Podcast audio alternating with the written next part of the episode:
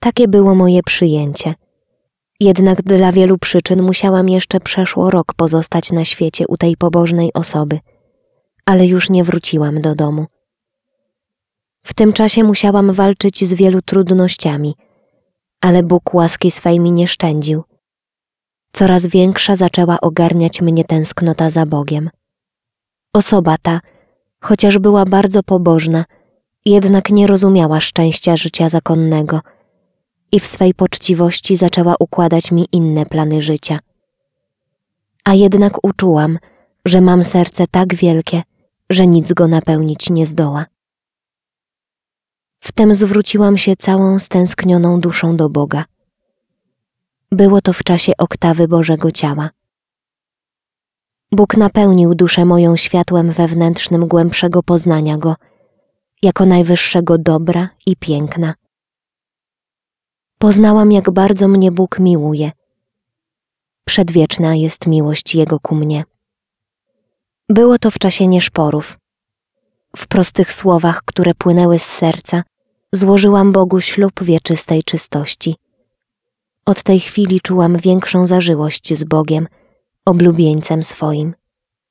Od tej chwili uczyniłam celkę w sercu swoim, gdzie zawsze przestawałam z Jezusem. Wreszcie przyszła chwila, w której się otworzyła dla mnie furta klasztorna. Było to 1 sierpnia wieczorem, w Wigilię Matki Bożej Anielskiej. Czułam się niezmiernie szczęśliwa. Zdawało mi się, że wstąpiłam w życie rajskie. Jedna się wyrywała z serca mojego modlitwa dziękczynna. Jednak po trzech tygodniach spostrzegłam, że tutaj jest tak mało czasu na modlitwę i wiele innych rzeczy, które mi przemawiały do duszy, żeby wstąpić do zakonu więcej ściślejszego. Myśl ta bardzo się utrwaliła w duszy, ale jednak nie było w tym woli Bożej. Jednak myśl, czyli pokusa, wzmagała się coraz więcej, że postanowiłam sobie w pewnym dniu opowiedzieć się matce przełożonej i stanowczo wystąpić. Ale Bóg tak kierował okolicznościami, że nie mogłam się dostać do matki przełożonej. Wstąpiłam do małej kapliczki przed pójściem na spoczynek i prosiłam Jezusa o światło w tej sprawie.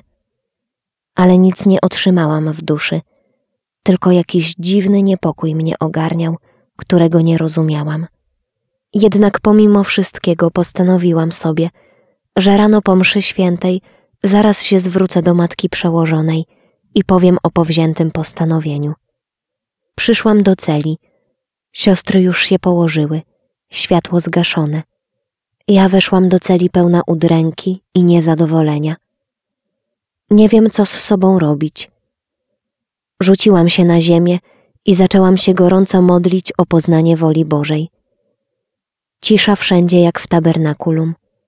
Wszystkie siostry, jak te hostie białe, odpoczywają zamknięte w kielichu Jezusowym, a tylko z mojej celi Bóg słyszy jęk duszy.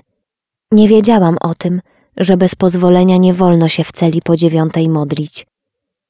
Po chwili jasno się zrobiło w mojej celi i ujrzałam na firance oblicze Pana Jezusa bolesne bardzo.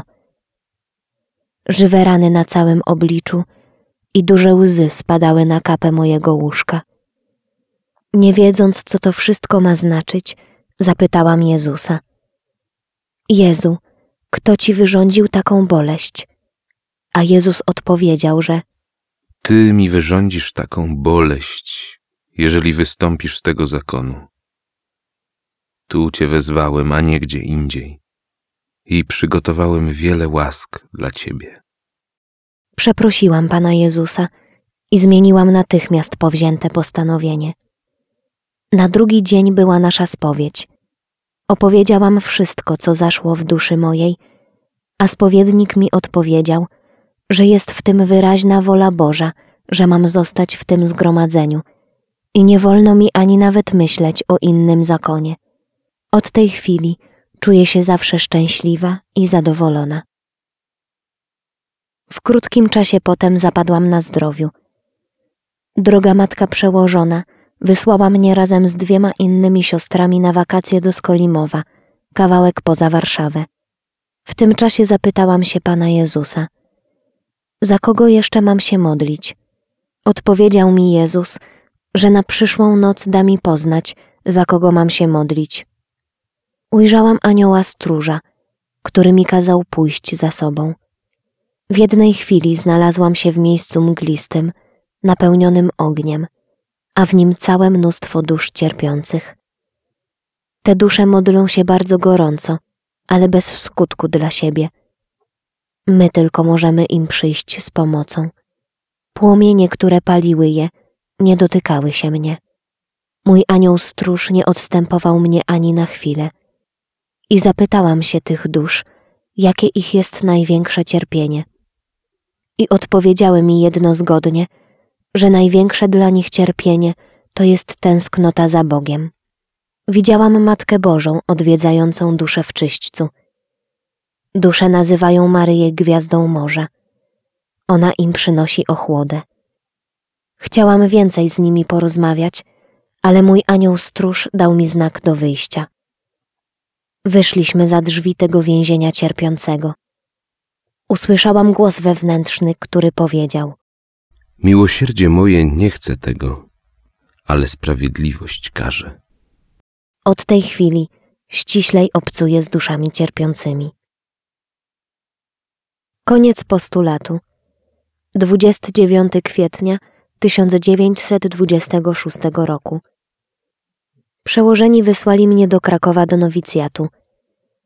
Radość niepojęta panowała w duszy mojej. Kiedyśmy przyjechały do nowicjatu, siostra była umierająca. Za parę dni siostra przychodzi do mnie i każe mi iść do matki mistrzyni i powiedzieć, żeby matka prosiła jej spowiednika, księdza Rozponda, żeby za nią odprawił jedną mszę świętą i trzy akty strzeliste. W pierwszej chwili powiedziałam, że dobrze, ale na drugi dzień pomyślałam sobie, że nie pójdę do matki mistrzyni, ponieważ niewiele rozumiem, czy to sen, czy jawa, i nie poszłam. Na przyszłą noc powtórzyło się to samo wyraźniej, w czym nie miałam żadnej wątpliwości. Jednak rano postanowiłam sobie, że nie powiem o tym mistrzyni. Dopiero powiem, jak ją zobaczę wśród dnia. Zaraz się z nią spotkałam na korytarzu. Robiła mi wyrzuty, że nie poszłam zaraz i napełnił duszę moją wielki niepokój, więc natychmiast poszłam do matki mistrzyni i opowiedziałam wszystko, co zaszło. Matka odpowiedziała, że tę sprawę załatwi. Natychmiast spokój zapanował w duszy, a na trzeci dzień owa siostra przyszła i powiedziała mi: Bóg zapłać. W chwili obłóczyn Bóg dał mi poznać, jak wiele cierpieć będę. Widziałam jasno, do czego się zobowiązuję. Była to jedna minuta tego cierpienia. Bóg znowu duszę moją zalał pociechami wielkimi.